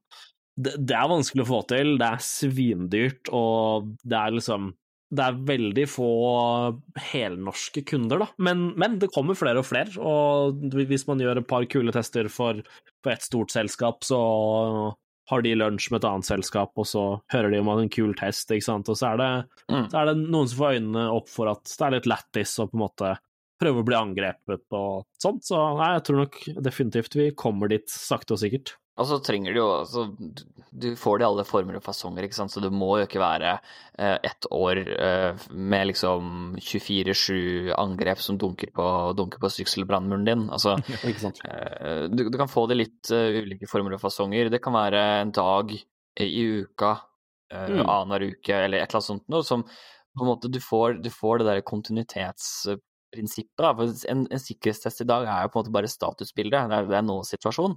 Mm. Eh, og så i morgen så kommer, kommer det en bakdør i syksel, eller det, det er et eller annet som, som skjer, en eller annen RDP-sårbarhet, eller Cisco, eller gudene veit, eller ja, Citrix, eller et eller annet sånt noe. Eh, og da har du på en måte pip åpen igjen. Så at man, man på en måte har, har uh, Kall det noen som, som, hele tiden er ute etter å, å teste de tingene på deg. Da. De har en in, in, insentiv for å på en måte teste deg over tid. Det tror jeg, jeg tror ikke er så dumt. Så det, liksom, hvis man sprer det ja, Hvis man ikke tar det 24-7 da, eh, hver eneste dag i et helt år, så, så, så det, senker du også kostnadene, men allikevel får du verdi, da. Så, men det er mange måter å pakke det inn på, og eh, du trenger ikke en red teaming-øvelse hvis, du, hvis du, du, har en vil teste, så det er jo åpenbart. Men, men at man kan få kunder til å se litt mer helhetlig, at de prøver litt mer De er åpne for phishing, de er åpne for fysisk sikkerhetstesting. Mm. At de er åpne for, for brute force-angrep, altså sånne ting, da.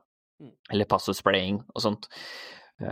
Det, der tror jeg man fortsatt kan jobbe med, jobbe med kunder og, og komme mye lenger, da. Og så er det jo lovgivning. Man ser jo Tibber, altså Threat Intel-based red teaming og sånne ting, kommer mer og mer. Finanstilsynet jobber med en norsk versjon av Tibber EU. Mm. Eh, og man ser jo mer og mer lovgivning rundt dette med eh, ja, både lovgivning og liksom beste praksis da, på, på, hvordan man skal drive med IT-sikkerhet. Så jeg tror mange sikkerhetsorganisasjoner, altså internt i bedrifter, er mer åpne og mer keen på å gjennomføre sikkerhetstesting. For det handler jo egentlig For mange så handler det ikke om å være 110 pluss Altså det er ikke Fort Knox de er ute etter, de vil bare være bedre enn konkurrenten sin, ikke sant. Så at når en eller annen random, random fyr kommer, så, så banker han på dems dør, og så ok, nei, her var det ikke noe, det var mye lettere her borte, da, da går jeg mm. dit, liksom. Ja. Så, så, og selv om det er kynisk da, på en måte, høres kynisk ut, så er det liksom realiteten. Altså, IT-administratorene gir egentlig F så lenge de ikke blir angripet. Mm. angripet. Vi har faktisk opplevd en del i det siste at det har vært uh, Vi runda av tre, tre pentester nå for, uh, for, uh, for et sånn der paraplyselskap som jeg nevnte tidligere. Igjen ikke det samme, men et selskap som Eller en investorgruppe som har investert masse penger i i tre selskaper. Og så skulle de uh, ISO-sertifiseres og masse sånt. Uh, og da gjorde de uh, ISO-sertifisering med den delen av selskapet som gjør det. Og så ville de også ha penetrasjonstester. og de ville ha penetrasjonstestene selvfølgelig for å være å bli sikrere og på en måte forstå hva slags baseline disse selskapene hadde i dag, men de hadde også, det syns jeg var veldig interessant, og da fikk jeg altså sånn herre uh, Faith in humanity slightly restored. Uh, han, sjefen sjøl ville ha disse testene for å kunne si til potensielle kunder at vi faktisk har kjørt pentester, og vi har Altså, vi tar sikkerheten og informasjonen dere gir oss, på alvor, da. At de faktisk mm. har lyst til å liksom ha Og ja, det blir jo, det blir jo bare en salgstaktikk, liksom, men jeg syns mm. det var interessant og progressivt å høre det fra en liksom, ikke-teknisk leder, at han så verdien i å gjøre uh, sånn type sikkerhetstesting, fordi da kan han faktisk si Og, man kan jo, og jeg påpekte jo det mange ganger, at uh, ja, vi kan gi deg liksom en baseline på hvor dere ligger i dag, men selvfølgelig ikke at dere er bombesikre. Men, og det var en sånn, ja, nei, absolutt, det forstår jeg, men de vil liksom kunne si til sine kunder da, at uh, vi har faktisk blitt pentesta og gjort tester her og sånn. Uh, det syns jeg er veldig kult. Og, ja. og, det er jo en av utfordringene, da, som, som jeg snakka mye med, med, disse på dette gründergartneriet om, er jo de selskapene som, som sier ikke at det selskapet du snakker om er sånn, men at de ser primært etter logoen på på, rapport. Altså, så, lenge, så, lenge, det er liksom i hermetegn certified secure av en, en stor aktør i, i, sikkerhetsbransjen, så Eller at de kan si at ja, dette her er det samme selskapet som bankene bruker, eller mm. lignende. da. For da, da, drar man automatisk en, en dog kanskje ikke helt korrekt eh, konklusjon om at ok, men da er de sikre som banken, ikke sant? Ikke sant, ja. Så, så, og det er jo på en måte en utfordring som man får som en liten aktør, er jo å bygge seg opp det renommeet til at man kommer dit, da. For det er mm. jo, eh, det er jo kan man jo nedsnakke det, men det er jo positivt for de som faktisk er store og kjente, da. At, helt at klart, eh, folk tar kontakt fordi at man er stor og kjent. Mm. Så, det, nei, så, så, jeg er veldig, veldig, spent. Jeg har jo masse planer og drømmer og sånt nå om, om eh, liksom Målet og håpet er jo at man kan skape et, et, uh, ekstremt kult sted å jobbe, hvor man driver med IT-sikkerhet og brenner for IT-sikkerhet, og uh, kan jobbe med kule prosjekter. Og, og, kunne gi tilbake til community. Da. At man kan være med å dele og være med i open source uh, tooling-verden. Og ja, kunne på en måte vise at Norge også bryr seg om, om sikkerhet på, på et globalt, uh, et globalt perspektiv, da. Og, og er, med, er, med, på å gjøre, gjøre, jobben, på en måte. Så det er veldig spennende. Mm. Jeg, gleder å, jeg gleder meg til å se eh, hvordan det blir fremover. Med. Ja, ja, altså, det kan jo gå dritt. Altså, det, er jo det som er det spennende her, da, er jo at nå har jeg jo for så vidt Eh, jeg har fått eh, overraskende mange som har tatt kontakt på, på LinkedIn og sånt, etter at jeg publiserte ja, Digi-artikkelen, blant annet. Og har jo publisert nettsider og sånn. og nei, det er overraskende mange som har tatt, tatt kontakt, og vi har jo ikke på en måte signa noen på, på, noe konkret ennå, men, men, nå er vi jo bare hva da, tre dager inn i 2021, så, så jeg, jeg, skal ikke Jeg kan ikke være misfornøyd med det, liksom. Og så har jeg jo, det kan jo sies da, jeg har også tatt et sånn side gig Jeg har en konsulentstilling som jeg, som jeg har fått, som er relativt stor. Eh, og så har jeg en, en sidegig som, som høyskoleforeleser, faktisk, i sånn introduksjon til informasjonssikkerhetsfag. Så på, på høyskolen, Hvor da? Høyskolen Kristiania. På Høgskolen Kristiania. Ja, så folkens, hvis dere vil høre på enda mer Martin, er det bare å, bare å gå tilbake på skolebenken igjen. Det er helt riktig. Da må dere ta andre semester av, av bachelor in data science på, på Høgskolen Kristiania. Så, så, får dere høre, høre meg. Nei, og de, det kan jo en liten plugg for dem, da, men de, de skal jo også lage en bachelor i, i cybersikkerhet på, på, sikt, som ja, jeg har sett på innholdet, og det ser veldig bra ut. Og det er en flink fyr som har skrevet liksom planlagt hvordan det skal være og gjennomføres og innholdet i, i kurs og sånt noe. Og jeg, gikk, jeg tok min bachelorgrad på det som het NITH, som ble Westerdals, som så ble kjøpt opp eller noe sånt av Høgskolen Kristiania. Stemmer. ja. så jeg kjenner, av, jeg kjenner mye av de folkene som fortsatt er i Høgskolen Kristiania-systemet, da, fra NITH. Ja. Og, og, og Nei, så det, det, virker, det virker bra, og det, det er liksom veldig praktisk. Det, er, det, er liksom, det, var derfor jeg valgte den bachelorgraden jeg tok. Dog var den privat, så den, jeg har jo bøtter og spann av studielån og gjeld, som kanskje ikke er helt optimalt, men men, det er flere. Ja, det er, men det er en veldig praktisk, veldig praktisk du, du, lærer ting du faktisk bruker i arbeidslivet. Så det er ikke, det er ikke sånn tull og tøys som er veldig teoretisk, men som bare er tull og tøys. Så det, så det er det jeg har satt pris på, og det er derfor jeg liksom liker Høgskolen Kristiania sånn sett, da måten, måten de underviser på, og måten de velger fag på. Kult, kult, kult. Så hvordan har du tenkt deg framover med konferanser og sånne ting? Sånn type ja, det Hackon uh, nå i februar. Blir det stand? ja, det er det. For det også er en ting, da. Man må begynne faktisk få råd til de tingene der også, og kunne sponse ting. For det er jo, igjen, dette med å gi tilbake til community, og målet er jo ja, være med å sponse og, og understøtte type B-sides og, og, de tingene der. Det, det, hadde vært veldig artig. Uten at det, uten at det er en pengecommitment uh, til dere fra B-sides som sitter og hører på, men Nei, men, men, men, sånt noe, det, det, det, har jeg veldig lyst til. Uh, for jeg syns de initiativene som, som, blir gjort av veldig mange folk i Norge, er, er ekstremt bra. Og vi må bare støtte under det og, og, og få mer av det.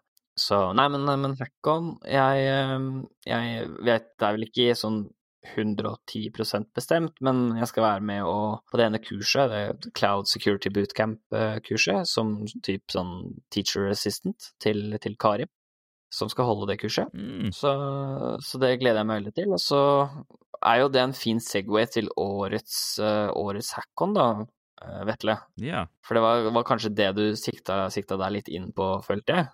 Ja, nei, det ble bra, dette. Det ble god åring, dette. Nei, at årets hackon, for de som ikke har vært borti hackon, så er det en konferanse som går over eh, Det blir egentlig fire dager. To dager med kurs og to dager med konferanse ish februar hvert eneste år. Det har kanskje variert litt sånn åssen ukedagene havner ut og sånn, men, eh, men ish, eh, ish, februar. Og eh, vi har jo snakka om det før, er overraskende bra, uten at det hørtes veldig negativt ut, men, men de har mye bra foredrag. Mye flinke folk. Mye, det har vært folk fra USA, det har vært folk fra eh, ja, Nederland. Flinke folk fra community som, som har vært, vært der og snakka og holdt uh, kurs. Mm. Vi var jo på et i fjor Nei, forrige fjor. Nei, fjor var det faktisk. Ja, det var i februar i fjor. Før, før uh, Rona kom og, tok oss. Stemmer. Ja, det var kjempebra. Det har vi jo nevnt ja, her et par ganger tidligere, men det var jo Advanced Attack Infrastructure med Jason Lang og Oddvar Moe fra, fra Trusted Sec, eh, så det var mm. kjempekult. Veldig bra mm. konferanse også. Det var jo David Kennedy var jo uh, åpna konferansen på de to konferansedagene. Så og så var det jo Nå husker jeg ikke hva han heter, men han, uh, han som alltid roper og skriker så mye. Uh, han som driver med fysisk testing. Eh, Åh, hva er det han heter igjen, da? da? ja, ja, du mener um, Holdt på å si Chris et eller annet. Eh, Ja, jeg trodde det var et eller annet på J, ja. Jo, det er eh, fullt mulig. Men, men ja, han har snakka på alle mulige konferanser og er uh, Skal vi se, han heter så mye som Jason Jason E. ja, det Street. Jason, ja. Yes, yes Ja. stemmer. stemmer. Han er jo hilarious, selv om han kan bli litt mye innimellom. Med energinivået, så um, artig talk, det. Og ja, Dirk Jan, som vi har nevnt flere ganger på, på podkasten, var jo der i fjor også. Veldig kult. Mm. Ja, det Ja, bra greier. Veldig, veldig bra. Men for å komme til poenget her, da. Hack-on, det var en ting, eller er en ting. Eh, Og i år så har de bestemt seg for at uh, veit du hva, vi har lyst til å lage en sikkerhetsmåned, og ikke den som er i, er i oktober, men en sikkerhetsmåned for de som arbeider med IT-sikkerhet. Og de skal vel kjøre, så vidt jeg har skjønt, eh, to uker med eh, webinarer og kurs hver dag. Og så to dager med kurs, altså hack-on-kurs, og eh, to dager med konferanse, og så tre webinarer dagen etter der igjen. Så det er tre uker, da. Det er ikke en hel måned, men, eh, men eh, tre uker med liksom fullpakka med sikkerhetsrelatert innhold. Så det virker spennende. IT Secpro har de valgt å kalle dette. Eh, og man må jo da betale, vel å merke, for å delta. Det er ikke gratis. Jeg reagerer på at siden her har eh, en Facebook-delknapp, en eh, ustyla tweet-lenke og en sånn pluss-share for å dele på alt. 181 forskjellige sosiale nettverk, tydeligvis. Det er ikke ofte jeg ser den der del på sosiale nettverk-knappen så mye lenger. Nei, det er sant. Det, det var liksom populært en stund, og så er det litt ut nå, egentlig. Ja. Nei, men jeg, jeg synes Hackon i, i fjor var kjempebra. Innholdet er dødsbra. Uh, hver, jeg, jeg synes det er så rart. Nettsiden ser ut som den er fra Vel, er fra 97, når de starta XCon, som de kalte det. Eh, og de skriver alltid som det er liksom noe av det største som finnes. Jeg synes det er litt off-pudding. Eh, Ja, altså eh, No offense til de i Hackon, men logoen ser ut som den er lagd i paint. Altså eh, og det liksom- føles ut som at og- det er litt av sjarmen. Um, men Ja, det det ja, det, vi vil gjerne oppdatere det grafiske litt. Altså. Det, De har jo en, så vidt jeg har skjønt, så er det jo en running joke at alle de badgene du Altså den badgen du får når du registrerer deg, og som du må ha på deg når du er på konferansen, så er det jo en skrivefeil på Det står det security, security eller noe sånt noe. riktig. Ja, Og det, og det tror jeg er en running joke de har, eh, så det har de aldri fiksa, da.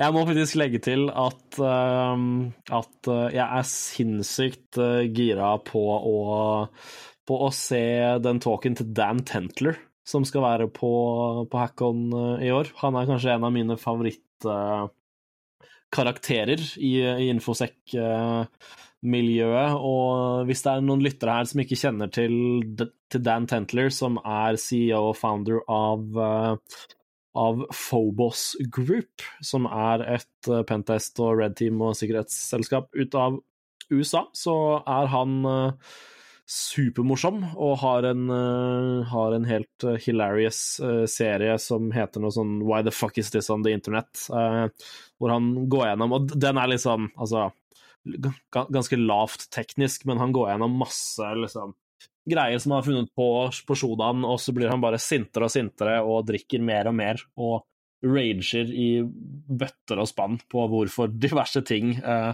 som kontrollpanelet til et helt eldrehjem i Sverige ligger på internett, og sånn pressure-tanker og ja, heisekraner og alt mulig rart. Han er ekstremt morsom, så jeg gleder meg til å høre på han kjefte. Jeg, jeg håper jeg kan få med meg eh, Joshua Crumbug sin uh, How to Rob a Bank, The Art of Social Engineering, Mm. som uh, i hvert fall ifølge den teksten her sier at uh, This talk is 50% real audio from a social engineering engagement and 50% lessons learned from the call.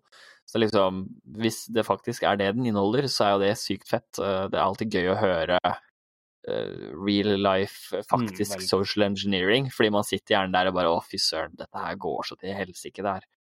uh, og det, nei, så, det, så det, det er gøy. Det gleder jeg meg veldig til.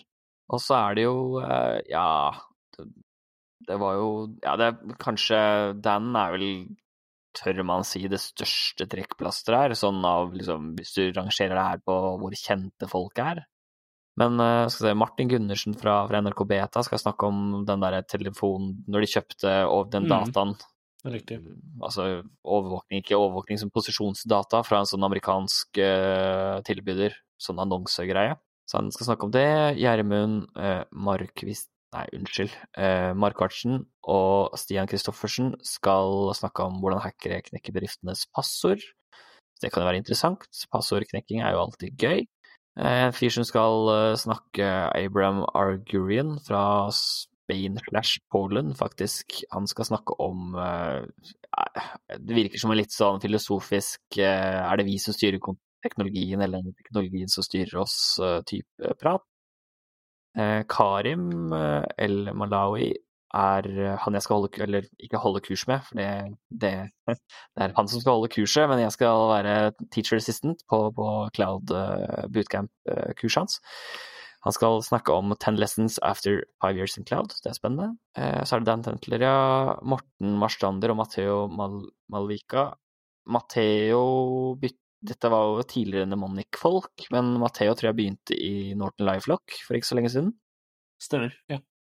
Og uh, snakker om hvordan de unngikk sånn TLS-inspeksjonsløsninger for å kunne siphone data ut av, uh, ut av, nettverk som egentlig skulle liksom, vært sikra med TLS-inspeksjon og sånn. Det var vel SN9, så var det ikke det de Jo, stemmer. For de har, har de vel presentert på Blackhat også, tror jeg. Eller skal presentere på Black Hat. Nå ble jeg litt usikker. Ja, det husker jeg ikke, faktisk. Tro, nei, tro, De presenterte vel uh, tidligere uh, i fjor, jeg holdt på å si tidligere i år, men i fjor gjorde de ikke det? Eller om det var noe sånn Red Team Village som, som Melvin gjorde greia? Skal vi se. Det er jo, og det var jo 8. desember 2020, så de skal ja. presentere, tror jeg, på Riktig. Black Hat Europe. Nei, Black Hat Europe 2020. Desember 7. til 10. Så da har de presentert det. Så det blir spennende å se. Og så er det noen folk eh, fra Skal jeg ikke dra alle over en kam her, men det er noen Bug Bounty-folk eh, fra India som skal snakke om Zero to Billionaire in 30 Minutes, Real Life Hacking Experience, som høres ut som ja, Are you ready for getting Are you ready for getting an unlimited lifetime supply of free hoodies and pizza? Og det er jo ironien i, i Bug Bounties i seg selv. Eh, så det, det, kan jo være interessant å høre hvordan de approacher Bug Bounties. Her, det, tror jeg, det tror jeg vi kunne hatt en egen podkast om, eller en hel episode om. Eh, liksom Bug Bounties og hvor, eh, ja, hvordan det ekosystemet der funker. Putt en femmer på meg, så holder vi den gående en stund. Det er en egen episode. så, så, da tror jeg vi unngår den. Og så er det en fyr som skal snakke om defense in depth. Fra, han er også fra India, fra Gainsight. Eller Gay Insight. ja, artig sånn Ikke gay insight. Er det gain insight? Nei, det er Gainsight. ja, ja. ja. Før, vi, før vi botcher det navnet enda mer, så tror jeg vi bare hopper videre. Og så er det Mike, Mike Rago og Chet Hosmer som skal snakke om how to reveal fake news. Og Mike Rago og uh, de er vel noe Twitter uh, Relativt uh, celebre Twitter-folk, vel? Ja, det var ikke vilt, men han Chet har jo en Twitter-konto som heter Python Forensics, blant annet. Stemmer. Yes. Så nei. Men det er, eh, det er, altså det er som sagt, Hackon har en evne til å få tak i folk som Altså, det er noe som er veldig bra, og så er det noe som er ok, og så er det noe som er litt sånn ok. Greit. Det, er ikke, det var ikke derfor jeg betalte inngangsbilletten, liksom. Og så er ikke Hackon så dyrt heller, da, skal sies. Det koster vel 4000-5000 eller noe sånt. Så, så det er ikke så gærent er det ikke. Jeg vil ikke si at det er den beste lineupen de har hatt, og spesielt ikke sammenligna med i fjor, men eh, det er noen store navn her som definitivt uh, fungerer som, som trekkplaster, og så er det jo det er også viktig å appellere til ja, mer enn bare de rent tekniske også, som jeg, som jeg, nok tror de klarer å gjøre godt her, selv om jeg uh, definitivt verdsetter Hackon mest når det er veldig teknisk, uh, fordi det er kult at de uh, tiltrekker seg uh, ja, sånn som det kurset vi var på i fjor, og de litt mer eh, tekniske talksene. Men eh, man, ser jo, man ser jo at majoriteten som er der, ikke nødvendigvis lever i terminalen eller bruker eh, burp og alt, altså Bloodhound daglig, liksom. Så det er jo viktig å appellere til. Til alle, selvfølgelig. Det, det er et variert publikum der, det er det uten tvil. Jeg tror, jeg, altså jeg tror det er mange som er på Hackon som på en måte Det er dems årlige sikkerhetskonferanse. Ikke sant? Ja. Eh, Og det er det er ikke noe gærent i det, altså det er, det er helt greit. Og da må du på en måte appellere til litt, litt flere type Helt klart. Helt Mennesker, klart. Ja. Så, men jeg er enig, altså, det er litt spesielt, for så vidt jeg skjønner, så skal vel dette her være eh, i stor grad virtuelt. Eh, Det skal i hvert fall være Ja, tilgjengelig for altså, Disse amerikanerne og de fra India sånt, nå regner jeg med at de ikke flyr inn til Oslo, så, så det må jo være at de presenterer eh, virtuelt. ja, det tror Og da, da er det jo på en måte litt rart at man kanskje ikke har fått tak i flere superstjerner, men altså I don't know. Det er jo Sånn er det bare. Det er mange store Kan stjerner. hende, kan hende super, superstjernen er lei av å presentere virtuelt også. Ikke sant? Det har sikkert gjort, gjort i hele 2020, så den begynner vel å bli lei. Så. Nei, men det blir gøy. Jeg gleder meg. Men det var vel Jeg tror egentlig det var det vi rakk for denne gang. Det ble en ganske lang episode. Men husk, har du bidrag, har du spørsmål, har du noen kule war stories du kan fortelle, eller ønsker at vi skal lese opp, kunne du tenkt deg å være gjest, eh, ja, whatever, send oss en e-post på podcast at 5h3ll.so, eller at, at oss på Twitter. Det er da at 5h3llcast, skjellkast der, altså. Tusen takk for at du hørte på oss skravle, og vi lyttes igjen neste uke. Det gjør vi!